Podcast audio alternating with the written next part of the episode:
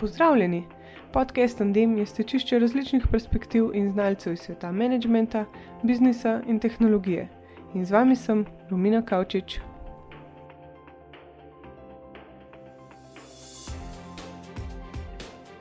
Vzgoja otrok je najpomembnejša služba. Povedano drugače, vzgoja je investicija v prihodnost. Vsak starš se na vzgojni poti sooča s svojimi vrstnimi izzivi, občutki nemoči in situacijami, ki jim pač vedno niso kos. Vse to je življenje. Pre mnogo staršev pa v kritičnih situacijah ne zna ravnati srčno, saj so ukalupljeni v prastare, stroge in nasilne vzorce. Vzgoja mora temeljiti na spoštovanju in zaupanju. Kako smo lahko ljubeči starši tudi takrat, ko nam podpis krompohti? Pa sem se pogovarjala v prvem delu z magistrom Mijo Bone in v drugem delu z Ivanom Gradišnik iz Family Leba. Ivana je Family Lab skupaj z Anjo Svetino na Brgoj ustanovila leta 2008. Pri Family Labu že 11 leto zapored drži v rokah vsebinske, organizacijske, marketinške in finančne vajeti. Občasno asistira na strokovnih seminarjih, sicer pa vodi skupine in seminarije za starše, nekatere druge delavnice, brezplačno telefonsko linijo in starševsko posvetovalnico. Pravi, da je ženska s precej energije, hitrih misli in včasih prehitrega jezika. Po duši aktivistka in idealistka je v prelomnih letih 90-91 sklenila, da postane raziskovalna novinarka. Za slovenske razmere dokaj utopična ideja jo je zapustila že v teku študija. Zato je izkušnje po diplomi nabirala kot prevajalka in novinarka. Ivana je tudi mama naji in naši. Tako kot v poklicnem, tudi v prostem času rada teče na dolge proge.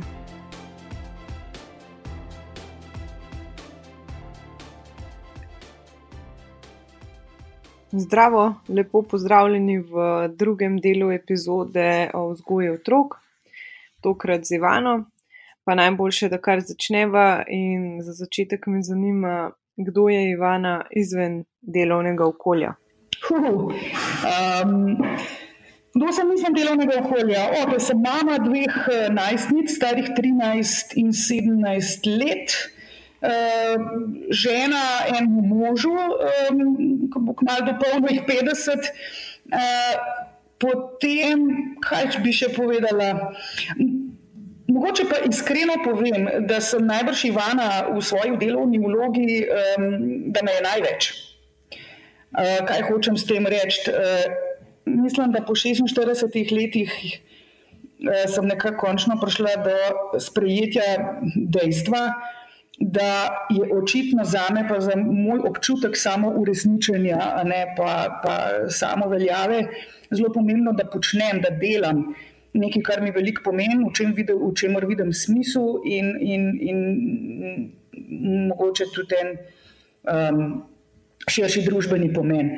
Tako da moram reči, da verjetno večino svojega delovnega časa posvečam um, svojim delovnim uh, pač prizadevanjem. Um, kaj to pomeni? Veš, kaj to pomeni? Uh, to najbrž pomeni, da Tako bom z enim primerom uh, povedala, ko utegne koga šokirati, uh, pa sem se odločila, da bom jih za to eto zdaj le tole izrekla, ker morda je pa še kakšna ženska ali mati moje sorte na tem svetu, pa jim morda utegne biti potem kaj lažje. Uh, recimo, da bi mi življenje ali pa usoda namenila življenje brez otrok, se pravi, da iz takšnih ali drugačnih razlogov ne bi mogla imeti. Mislim, da bi, ali pa ne imeti moža, um, ali pa obojga. Eh, mislim, da bi, da bi lažje prenesla ali pa se sprijaznila z eksistenco brez otrok, uh, kot pa z življenjem, kjer bi mogla uh, vsakodnevno hoditi v službo in početi nekaj, kar, kar, v čemer ne bi nahajala nekega globega smisla ali pa osebne, osebnega uh, zadovoljstva. To zelo pomembno je meni, kaj počnem. Um, Ampak, ok, da ne bom. V bistvu se mi zdi zelo pomembno, da imate radi to, kar delate, ker verjetno s tem ustvarjate tudi kvalitetne vsebine za Family Lab.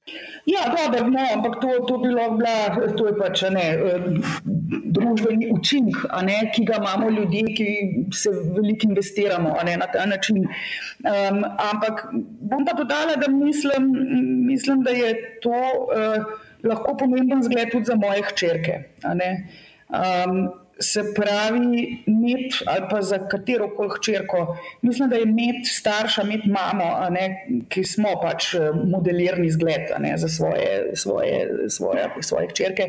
Mislim, da je med mamo, ki ima življenje onkraj materinstva ne, ali pa gospodinstva, se pravi.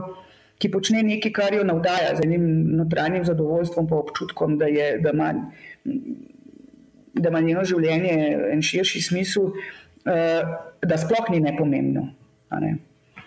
V bistvu bi se kar strinjala, da je to zelo pomemben zgled. Ja, se pravi, različni smo, ne? Uh, ampak hočem reči po pravici, po pravici povedati, ali pa sam vseb pravzaprav iskreno priznati, um, kdo sem in, in kaj mi, kakšen del mojega življenja pomeni.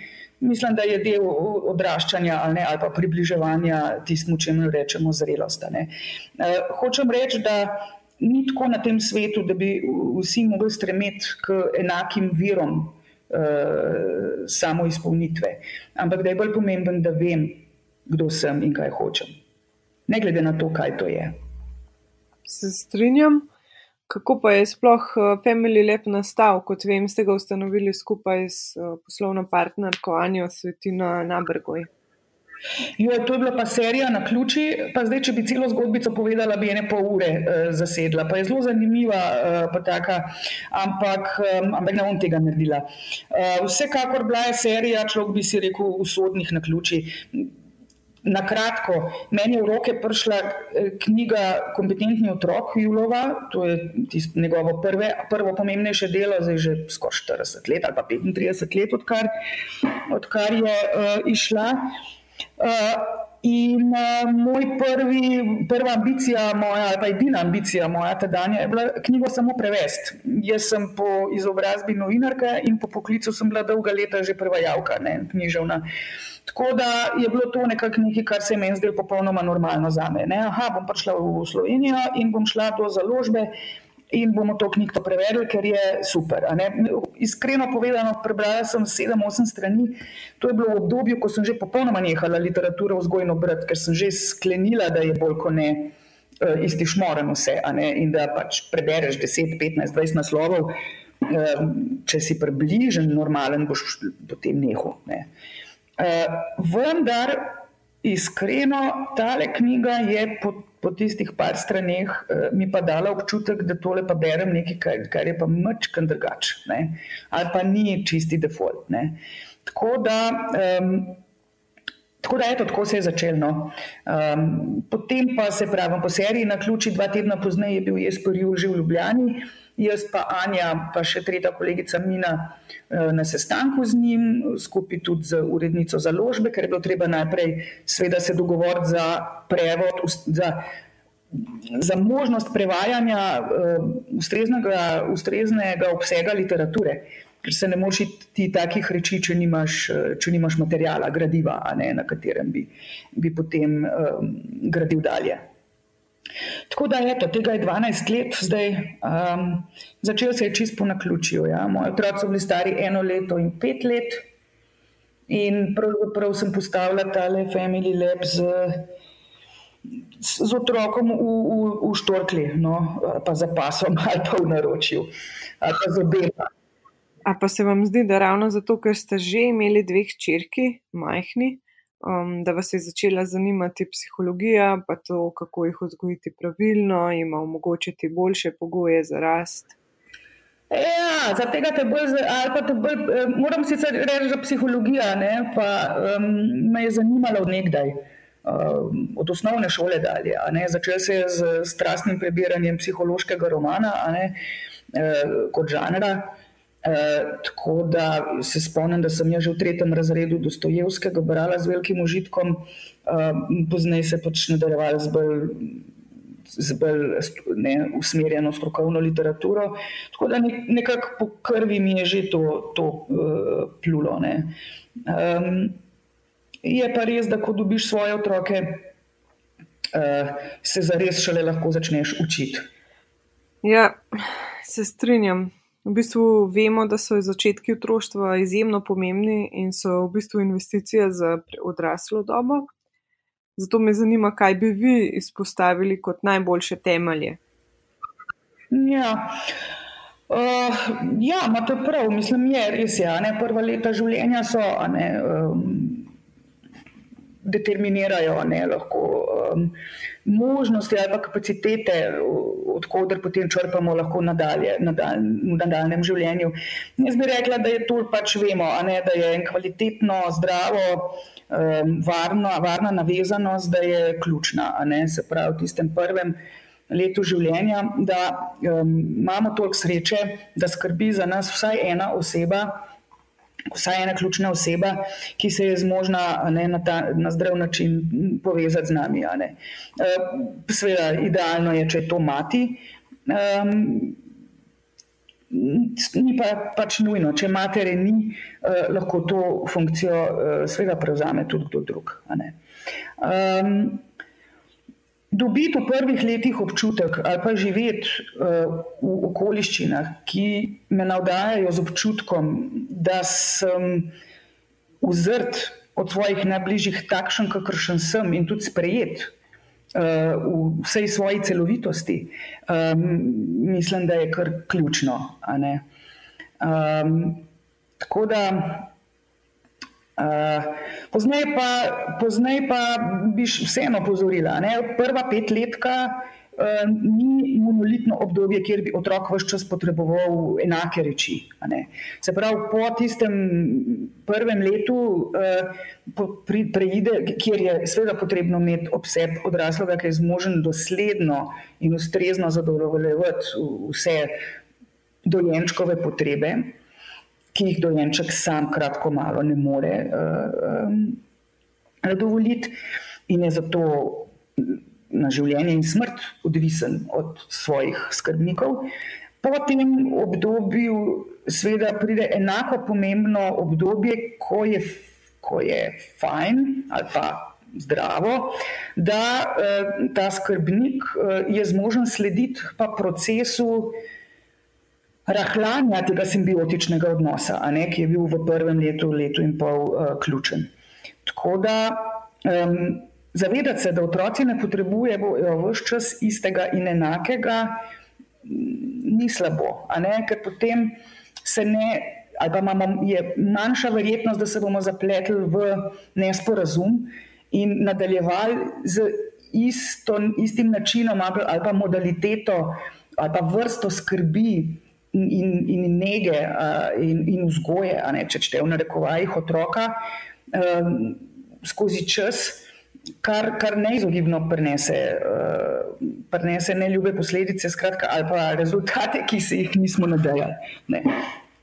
V povezavi s tem me v bistvu tudi zanima, kje se lahko starši naučijo vzgajati boljše, glede na to, da se v Family Labu tudi s tem ukvarjate. Problematično se mi namreč zdi, da ogromno staršev ni imelo pravih zgledov pri vzgoji, zato iste napake ponavljajo tudi sami. Hmm. Ja, uh, zgledov, zglede smo imeli, kakršne smo imeli, mislim, vsak jih ima, kakršne ima, in vsi mi smo na nek način tudi omejeni, a ne um, glede na čas in prostor, v katerem živimo, in, in glede na spoznanja, ki jih premoremo, um, bodi si mi intimno, osebno ali pa tudi kot družba. Dan danes vemo um, o, o tem, kaj otrokom škodi in kako toksično je vsakršno nasilje ki ga namenjamo otrokom, ogromno. Mislim, o tem res dan danes, vsaj kar zadeva eh, stroko, ni nobenega dvoma. Je pa res, da v praktičnem življenju ni možno biti ne znanstveno in strokovno neoporečen. Ne? Uh, tako da jaz mislim, da je danes uh, na voljo ogromno informacij, ogromno virov informacij in ogromno možnosti, kjer se lahko starši ali pa drugi ljudje, ki delajo z družinami in z otroki, izdatno poučijo o tem, kaj ima smisel in če kaj nima smisla. Oziroma, kakšne posledice ima takšno in drugačno ravnanje. Če govorimo o telesnih, spolnih, emocionalnih zlorabah, o tem res vemo več kot dovolj. Torej, na voljo je pomoč, treba se je ozreti, pogledati in izbrati, odkot, odkot bomo črpali. Sveda je med ponudbo te pomoči tudi veliko plevela, ampak tako pač je na tem svetu, velja tudi za vse ostala ne, področja, ne samo za področje vzgoje in psihologije. Tako da Mogoče bi izpostavila, da v Sloveniji imamo težavico, morda na nivoju CSD-jev, vsaj do mene prihajajo take informacije, se pravi, da um, v okviru javnih služb, ne, kjer bi pa lahko pošiljali starše, tiste sorte si ne morejo sami priskrbeti, zagotoviti ali pa plačati konc koncu ne, te vrste podpore in pomoči da eh, na tem nivoju je pa malo, malo možnosti, da bi javni sistem lahko opremil um, to skupino staršev z, z, z, pač uporabnimi, ali pa da bi jih nekako. Um, da bi jih nekako poservisiral ne, na, na tej ravni. Skratka, za stonskih kvalitetnih programov uh, je premalo, ne, sploh, pa, sploh pa v okviru centrov za socialno delo, ki se morajo ukvarjati, žal, zaradi sistemske zaradi sistemskih, uh, sistemske ureditve z drugimi rečmi. To se mi zdi škoda. No? Klele imamo manevrski prostor, ki bi več lahko naredili. Namreč k nam, treba je vedeti, da k takim, kot smo mi, prihajajo tiste vrste starši, ki, jih, ki pridejo sami uh, z izrazito izraženo motiviranostjo, željo in voljo, da bi spoznali, kako lahko sami ravnajo drugače, da bo odnos, ki ga imajo z otroki ali pa nasploh družinsko življenje, bolj prijetno ali pa bolj sproščeno. Se pravi, če imaš ti starša, ki že ki hoče to, ne, ki je motiviran, je seveda čist bistveno drugače ne, delati s takim staršem, kot pa staršem, ki ga moš pravzaprav šele prepričati, eh, da, eh, da da pomoč, pa da mogoče ni vse tako, kot bi, bi, bi bilo fajn, da je v njihovih življenjih. Ja, imamo ogromno priročnikov, po drugi strani pa, če bi izhajali iz ljubezni, bi bila že ogromna razlika. Mislim, priročnikov je ogromno, priročnikov je preveč, ne bodimo pošteni. In, priročni, in med priročniki je tudi ogromno slabih priročnikov. Ne? Um, nekateri so celo škodljivi. Uh, se pravim, um, ne, bom, ne, ne morem reči, da ni tako. Po drugi strani pa, in tudi bom rekla, Julija, naš mentor, ne jaz, Julija, doskrat rekel, staršem, staršem eh, se splača priporočiti, da ne do drugega leta starosti ne berajo nobenih priročnikov, niti ne mojih. On je to rad rekel, ne berite, sploh ne berite mojih knjig do drugega leta starosti. Kar počnite, je imejte odprte oči in ušesa in porabite čas za to, da spoznate, kdo to bitje, ki ste ga spravili na svet, pravzaprav je. To je informacija, ki jo potrebujemo starši in to je darilo ali pa to je temeljna eksistencialna potreba otroka, eh, kaj potrebujejo od nas.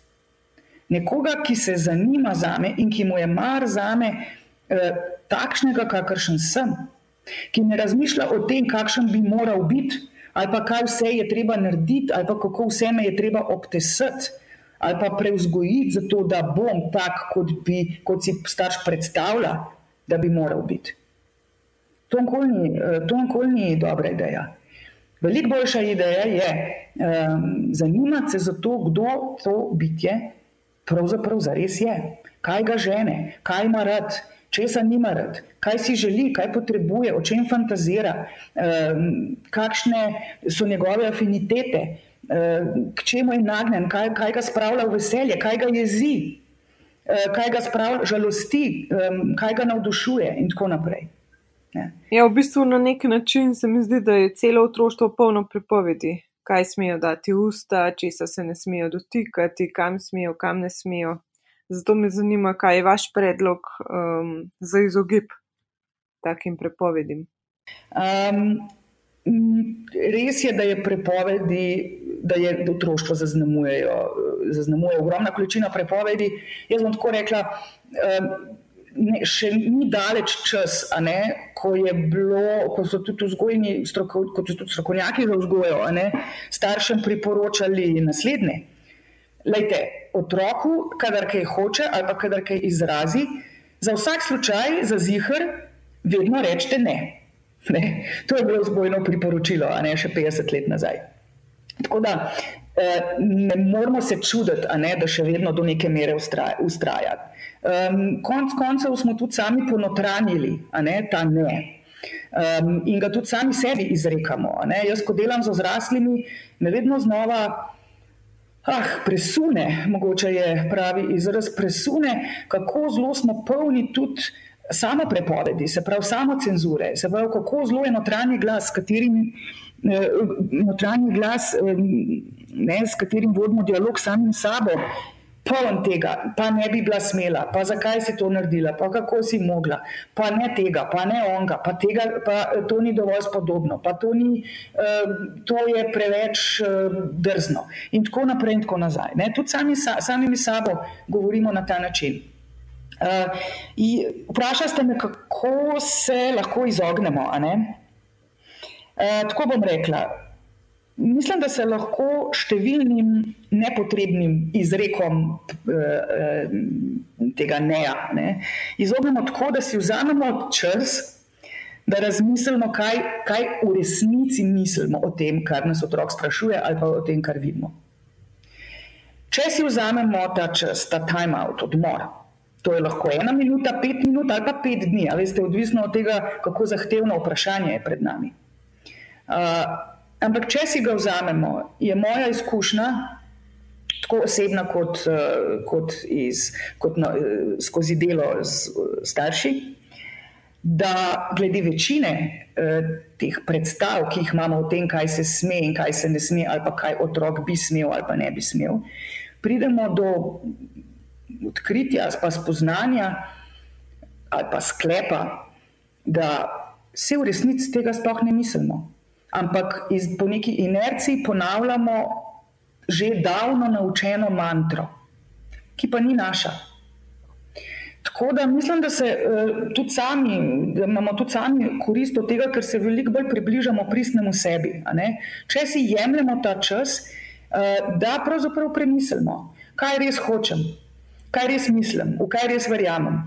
Um, od takih banalnih stvari, a, ne, a, a, a, a me res moti, da otrok skače po jogiju, po posli, ali, sem, ali, sem, ali je to samo avtomatska tajnica, ki sem jo nekoč davno ponotranila, ne, da ne vem, ne, se ne sme skakati po jogiju. Um, jaz vam garantiram, da ta trenutek obstaja v Sloveniji ogromen odstotek družin, kjer, kjer mirno skačajo po vzmetnicah. Ne? In, in zato ni nihče od njih ne um, moten, ne oškodovan, um, niti ni z nikomer nič narobe, ne? pa tudi z umetnico. Tako da uh, dan današnji, kratko malo se ne moramo zanesti ne? na en univerzalni set vrednot ali pa pravil, ki bi se jih lahko, tako kot morda nekoč. Kar vsi držali, in se lepo, preprosto naslonili na nje, in nehali razmišljati. Namreč za to gre. Jaz pravim, uklopite možgane um, in, in začnite razmišljati o tem, kdo ste, kdo je vaš otrok, kaj res hočete in kaj potrebujete za to, kar hočete. Uh, in potem se začnemo lahko učiti izražati to na tak način, da nas bodo drugi tudi razumeli. Ker to je tudi učni proces. Ja, meni se zdi super odgovor. Je pa res, da imamo kar nekaj staršev, ki v bistvu zagovarjajo permisivno vzgojo. Kaj pa menite o tem? Jaz ne poznam staršev, ki bi zagovarjali permisivno vzgojo. Jaz jih ne poznam, mislim, permisivnost. Je pa res, da uporabljamo uh, termin permisivnost, pa permisija zelo poljubno. In da si pod tem izrazom uh, skoraj vsak predstavlja uh, kar nekaj po svoje. Torej, takih staršev, ki bi zares verjeli v to, da, otrokom, da otroke treba kratko malo prepustiti ne, njihovim notranjim vzgibom, porivom um, in tako naprej, in da to zadošča, in da narava sama poskrbi, da se otrok uh, razvije ne, optimalno. Mislim, da takih staršev ni, mislim, jaz jih res ne poznam. Drugo pa je, če starši delujemo iz napačnih vzgibov, tako kot da se zdi, da nam ni mar ali pa da nam je vse eno. Ampak staršev, ki bi jim zares bilo vseeno, ali pa ki ne bilo mar, ali pa ki bi verjeli v to, da otrok ni treba voditi. Takih staršev v resnici ni. Kar jaz vidim danes, je ne, da imamo permisivno vzgojo, ampak da imamo na nek način schizo, ali pa da, da zapadamo starši v eh, tako imenovano eh, schizofreno vzgojo. Se pravi, vemo, da nočemo ponavljati tistega, česar smo bili sami deležni, se pravi, neke take kvazi avtoritarnosti. Um, Sveda obstajajo tudi starši, ki so živeli v družinah, kjer, je bilo vse, kjer je bilo vse prepuščeno njim samim. To ni permisivnost, to je zanemarjanje. No, in taki starši seveda se bodo trudili tudi ravnati nasprotno od tega, česar so bili deležni. Uh, Je pa res, da dokler smo sami v tem obratnem uh, scenariju, ne, se pravi, uh, pazil bom, da ne bom ponavljal napak svojih staršev, um, in zato, da mi bo to uspelo, bom počel vse, kar so oni počeli obratno. Uh, to je seveda sam kontrascenarij in, in skoraj neizogibno pripele do. do posledic, kakršnih si jih nismo nadejali. Ponovadi pripelje točno do tistega, česar si nismo želeli. Um, Ampak, da se vrnem, schizofrena vzgoja. Torej, ker nočemo ne, ponavljati tega ali pa biti avtoritarni, zapovedujoči, nasilni, ne, um, gospodovalni in tako naprej, poskušamo z empatijo, razumevanjem, um, ne temu, če jim danes nekateri rečejo, sočutna vzgoja, uh, skratka, neomajno potrpljenje. Ne, večna pripravljenost razumeti, um, se pogajati, pogovarjati in tako naprej. Ok, v redu, ampak to ni permisivnost, sem to, da se razumemo. Skratka, starši poskušajo z najboljšimi nameni, v, dobro, dobro, v dobroti srca in z ljubeznijo. Um, na čim lepši uh, način otroka voditi, s čim manj konflikti, ker se bojijo konfliktov. Potem pa pride trenutek, ko ne zmoremo več, ker se to naše neomajno potrpljenje ne, eh, in vsi naši dobri nameni se sujejo v prah, kratko malo ne zdržimo več. In takrat pa, seveda, v nemoči zdrsnemo v točno tisto, česar nismo hoteli, in začnemo kričati in se dreti, in, in tudi mahnemo, in tudi povlečemo za ta sladke, namahamo jih, zmerjamo, skritiziramo, poučitamo in tako naprej. Skratka, potegnemo iz arzenala vse tisto orožje, ki ga poznamo iz, iz svojega otroštva. In, in za katerega smo se praviloma zaobljubili, da sami pa ne bomo posegali po njem. In potem imamo, seveda, ko tako izbruhnemo uh, slabo vest, post festum, in, in nas prevzemajo občutki krivde, in seveda to pa spet dodatno slabo vpliva na odnos, ki ga imamo z otrokom. Skratka, to ni permisivna vzgoja, to je schizofrena vzgoja, do katere prihaja zaradi najboljših namenov in um, zato, ker starši želijo narediti najboljše. To, da se razumemo. Zelo malo je tistih staršev, ki zato, ker bi jim kratko malo res bilo vseeno, ali pa ker svojih otrok ne bi marali, ki ravnajo um, narobe ali pa, ali pa toksično. A bi lahko rekli, da je schizofrena vzgoja, v bistvu, kot ste jo sami poimenovali, um, da to vodi do problemov v najstništvu? Namreč na začetku imamo mogoče samo mičke naporedne otroke, na koncu pa to lahko privede do bolj destruktivnih otrok oziroma najstnikov. A se motim? O, ne, ne, mislim, da ni mogoče, ni možno reči, zdaj, zato ker um, vem, je starš tako vzgajal, je pa zdaj, je pa zdaj imajo pa, ali pa zato, ker so starši. Tako posploševanje, ne, res, res prav uprla se bom temu posploševanju, zdaj, ko imam priložnost, uh, ker, ker je to nekaj, kar itak počnejo vsi, ne, od medijev do, do mnogih, mnogih vidnih strokovnjakov. Razlogi zakaj mladostnikom ne gre najbolje, ali pa zakaj zabadajo v težave, je ogromno in so zelo različni med sabo, in, števi, in največ jih ima opraviti s tem, da, um, da uh, kratko malo niso imeli priložnosti, da bi odraščali v okoliščinah, eh, ki te navdajo z dovoljšno mero samospoštovanja, ne, teh tem, nekih temeljnih imunsk, temeljnega imunskega sistema, ki ti omogoča, da eh, te gobe pozneje v življenju lažje preživljaš. Če že posplošujem, evo, bom posplošvala v to smer. Pa bom priporočila, če nas skrbijo današnji mladostniki, mene sicer ne toliko zelo. Jaz se z njimi pogovarjam, pa vidim, da onkraj teh o, zunanjih simptomov, ki se nam zdijo uh, zaskrbljujoči, um, spodaj uh, leži eno bogatstvo osebnosti. Je pa res, da se je treba vzeti čas, pa zanimati te more. Uh, Tako da jaz bi priporočila, ne vem, recimo Galimberti. Galimberti, um, odlično opisuje um, realnost odraščanja današnje mladine. Moramo pa tudi to vedeti, da pridušanje starejših generacij nad um, mlajšimi, nad nasledniki, pridušanje v smislu, kako je ta današnja mladina grozna in kako je, smo bili mi boljši in, in bolj vem, uspešni in, in zlati in krasni in super duper, je stara lih toliko kot človeštvo samo. Ne?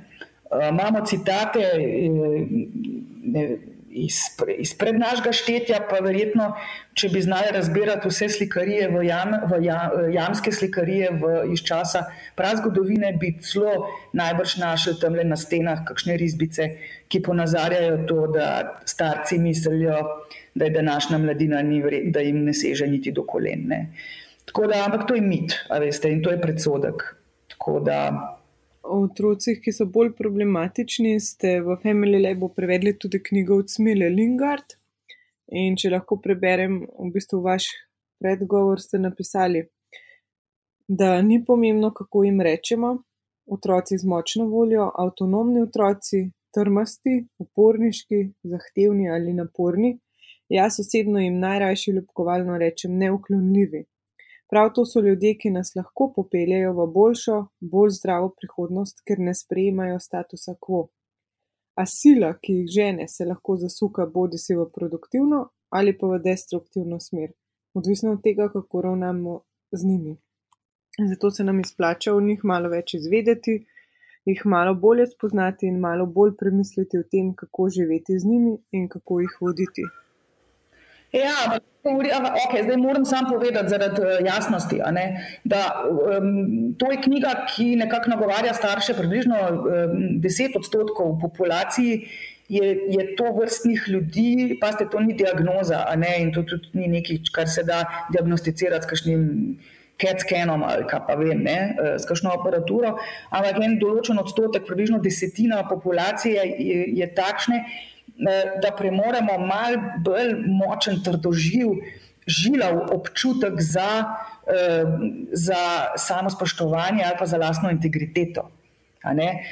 In smo zato malo bolj nagnjeni k temu, da se borimo za sebe in za svojo integriteto. Tako da nismo se tako zelo, ali pa ti otroci se niso tako zelo hitro pripravljeni podvreči um, in pravzaprav pokoriti kar otroci počnemo, mislim, da bo jasno, to ni nič ni narobe s tem. To je eh, drugače, niti ni mogoče eh, odraščati. Kot da za to, da prejmem naklonjenost in ljubezen skrbnika, sem pripravljen. Bog pomaga žrtvovati delčke sebe, ker tako pač je, ljudje smo krvavi pod kožo in noben od nas ni popoln in tudi ne bo popoln. In, um, in vse nosimo vse sorte reči, in pravzaprav ne, si ne upam trditi, da je možno vzgojiti otroka tak, na tak način, da nikoli ne bo deležen nobene krivice ali pa nobene travme ali pa nobene stresne, uh, stresnega situacije ali pa države in tako naprej. Ne. Ja, mogoče je pa to tudi problem današnjih staršev, ki mislijo, da če otroke vzgajajo v nekem mehurčku, da bo vse boljše. Um, Mislim, da ste mi napovedali, a ne tudi vprašanje, kaj so najpogostejše napake, ki jih delamo pri vzgoji otrok. Prav velikrat dobim to vprašanje. No, tako da, tako da um, prvo, eno je vsekakor to, kar ste zdaj omenili. Ideja, da mislimo, da je, da če bomo starši, vse naredili tako, kot je prav, da potem se bodo otroci razvili v srečne in zadovoljne ljudi, ki nikoli ne bodo imeli nobenih težav. Uh, to, je popol, to je čista norost in popolnoma nemogoče. Ne? Mit. Um, druga reč, to, da mislimo, da ne bi smeli delati napak, ali pa da mislimo v teku vzgoje ne? ali pa zorenja, ali pa da mislimo, da je to sploh mogoče. To je velik nesporazum, ki naredi veliko več škode kot koristi. Ne samo, da, sem, da seveda smemo delati napake, um, pravzaprav jih moramo delati. Za naše otroke, našim otrokom, eh, težko da boljšo popotnico, kot pa zgled in prepričanje, da ljudje na tem svetu nismo popolni in da nam ni treba biti popolni, zato da bi se sprejemali in da bi nas drugi sprejemali.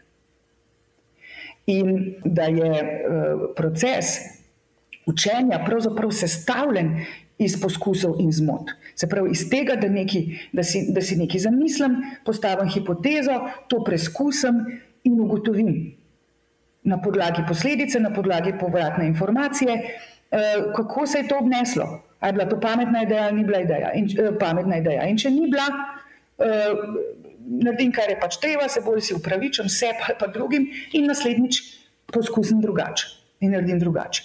In to je proces učenja. Proces učenja ne gre tako, da ti nekdo iz, ka, iz katedra ali šolskega ali pa starševskega pove, kako bi moral biti, ti potem to ponoviš brezhibno in si se naučil za veke veko, maj kako je treba živeti. To ni življenje, to ni učenje, tega ni, to ne obstaja. E? To je mit. Um, tako da nasprotno, naši otroci morajo, ali pa jim je življenje veliko lažje, če vem, ja, lahko delam napake in ko naredim napako, nisem zato nič slabši kot človek, kot oseba.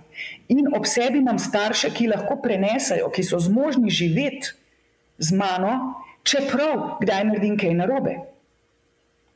To so, to so ključne stvari.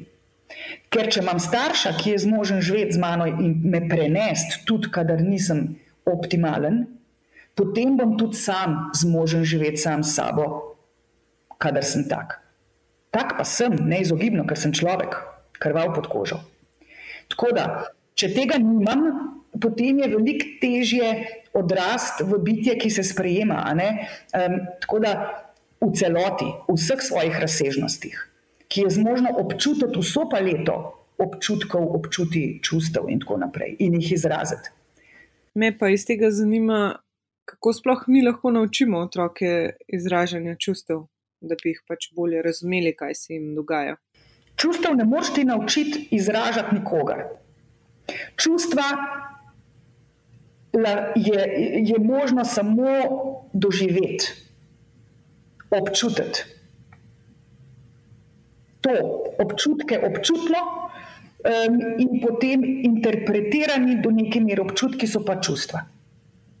Tako da uh, ni mogoče, to je ta temeljna napaka, se sem nekaj že o tem govorila. Skratka, ne gre to tako, da um, mislim, starši imamo moč definicije. Starši imamo silno moč definicije, to je ena največjih moči, ki jih imamo, definicija otroka. In ko otrok pravi, da nekaj ni dosegel, nekaj ni dobil, in potem nekaj občuti, eh, bi rekla, da eh, frustriranost občuti. Ne? Lahko je to jeza, ampak deva reči frustracija. To je normalno, to je edino prav, um, to je zdravo. Nečesa nisem dosegel, nekaj mi ne uspel, počutim se frustriranega, počutim se jeznega. In potem nekdo pride in reče: To, kar zdaj občutiš, ni prav. Ne bi smel tega čutiti.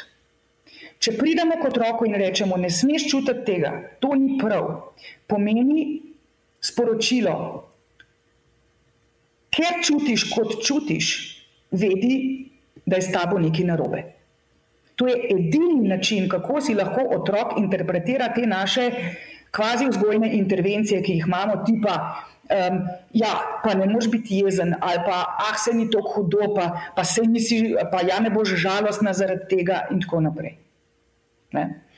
Toliko o tem, um, kaj, kako, kako se naj bi se čustva učilo. Um, kar otroci rabijo, je imeti ob sebi odrasle, ki so v teku svojega odraščanja, zorenja in tako naprej, um, upajmo, uspeli vsaj do neke mere zdravo integrirati večino, upajmo, čim več uh, čustev.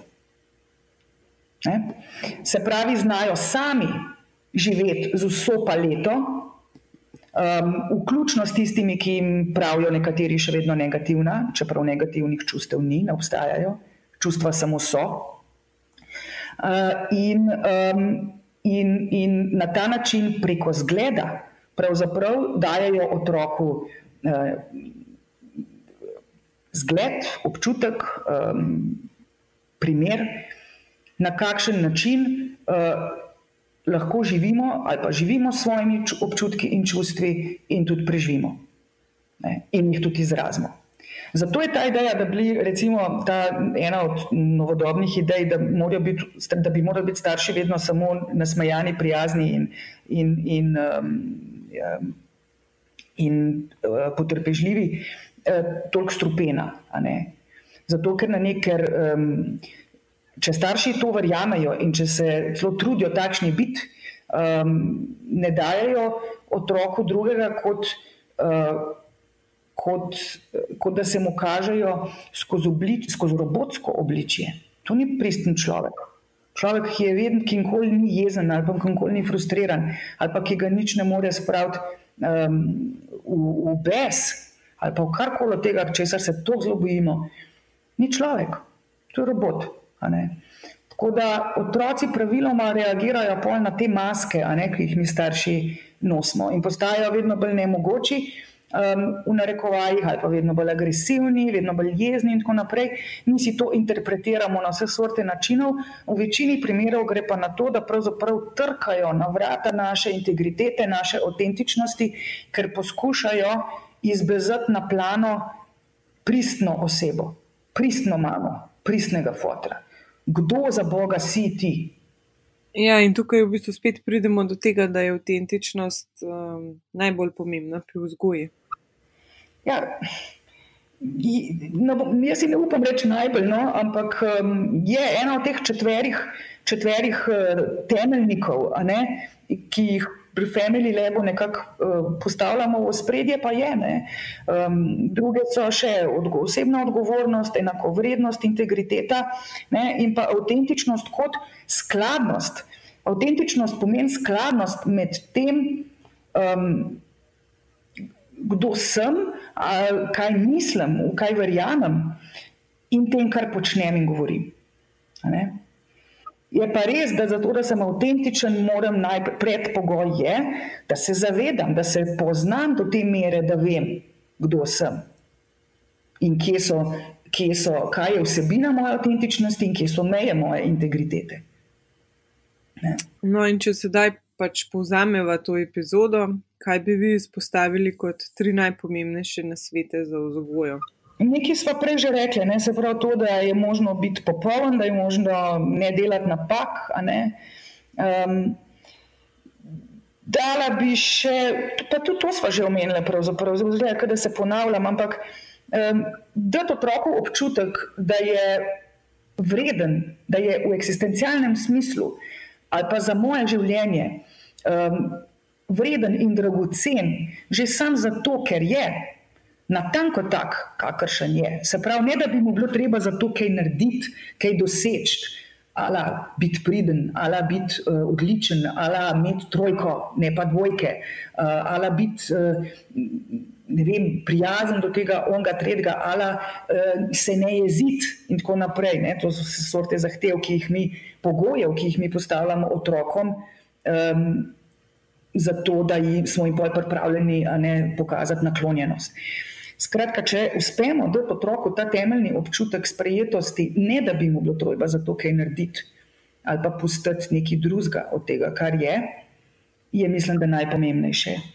Um, zapomnite si tudi, da je življenje daljše od otroštva in mladosti. Tako da um, vsako to pomeni, da da se lahko malo bolj sprostimo, malo bolj naslonimo nazaj, zleknemo in poskušamo malo bolj uživati v pogledu na uh, te produkte naše vzgoje, uh, ki jim pravimo otroci. Uh, se pravi, malo bolj sproščeno, ne toliko um, ne toliko um, zakrčeno, ne, pa pod, pod, pod pezo uh, te zahteve, da moramo narediti vse tako, kot je prav. Jaz vam že zdaj povem, nihče od nas ne bo naredil vsega, kot je prav. Nasprotno, najboljši od nas bodo naredili 15 do 20 napak na dan, vzgojnih napak na dan. In to je ok.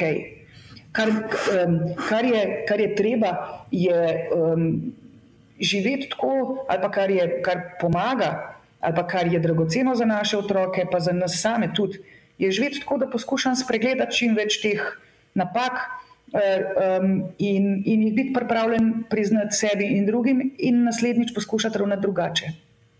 To je tisto, kar je pomembno. Ne. Um, ne pa to, da naj se napake ne bi delale. Poleg tega ti naši otroci, ki bojo išli iz uh, otroštva tako ali pa drugače, uh, poškodovani ali pa tako ali pa drugače uh, ranjeni, imajo potem še dolga leta odraslosti, ko lahko naredijo marsikaj, zato da spet pridejo bliže k sebi. Ne? Se pravi, vse to, kar počnemo, konec koncev, tudi mi v tem, tem življenjskem obdobju našem. Uh, mogoče je fajn povedati, da je ravno v odnosu z otrokom najlažje, pa najcenejši, uh, pa najhitrejši uh, opraviti ta učni proces približevanja sebi. Se pravi, odrast do konca, dozoreti do konca. Zakaj? Zato, ker so otroci tista bitja na tem svetu, ki nas edina imajo za res brezpogojno rada. Se pravi, oni imajo nas radi na tanko takšne, kakršni smo, z vsemi našimi napakami in idiotizmi v red, in so pripravljeni nam um, v, tudi dajati, ali pa so zmožni nam dajati, so kompetentni za to, da dajo povratne informacije prek svojega vedenja, um, iz katerih lahko razberemo, kako dobro nam gre pri tem, kar dajemo od sebe. Uh, In, um, tako da, tretja stvar, kar pa vem, uh, slogan: ne vzgoja, ne postane šport. Dan danes je mačkam preveč vzgoja projekta, ne šport. Ne? V smislu, um, vse delam za to, da bom ja pravilno vzgojila svojega otroka. Ne? Pozabite na to, um, ogromne količine energije grejo v prizadevanje, ki je nedosegljivo. Ne? Raj se osredotočite na tukaj in zdaj, na to, kdo ste in na to, kdo je pred vami, eh, kdo, kak, kdo je to bitje, ne, um, ki ste ga spravili na svet. In kaj vam ima zapovedati? Ja, se strinjam z vami in uh, mislim, da je to super zaključna misel. Uh, še enkrat iskrena hvala za ta pogovor. Romina, hvala, hvala vam za potrpljenje. Um, če pa sem vas vsaj malo zintrigirala no, ali pa malo vznemirila ali pa tudi razjezila s kakšno od tes ali pa, ali pa pogledov na vzgojo, odnose v družini in življenje, bi vas povabila na našo spletno stran, no, kjer je pa še veliko več eh, vsebinskega gradiva, člankov, več sto prispevkov, um, vseh sort, na vse sorte tem, uh, tako da si lahko malo prijete pogooglati, pa si boste. Še bolj verodostojno ustvarjali vtis, ali ima to kakšno, kakšno vrednost za vas, ti pogledi, eh, ta vzgojna paradigma ali pa pač ne. Tako da lepa hvala. Ja, pa poslušalci in poslušalke pa lahko obiščejo Family Lab in se mogoče tudi udeležijo kakšne vaše delavnice. Z veseljem, seveda, um, vabljeni. Hvala za poslušanje. Če vam je bila epizoda všeč, prosim, pustite svojo oceno na iTunesih ali pa me potegajte pod afna poslušajte nem na Instagramu, Twitterju ali Facebooku. Tako bodo za kul vsebino izvedeli še drugi. Če pa imate predlog teme za novo epizodo ali pa gosta, pa mi lahko pošljete e-mail na hej, afna poslušajte nem.si. Se slišimo!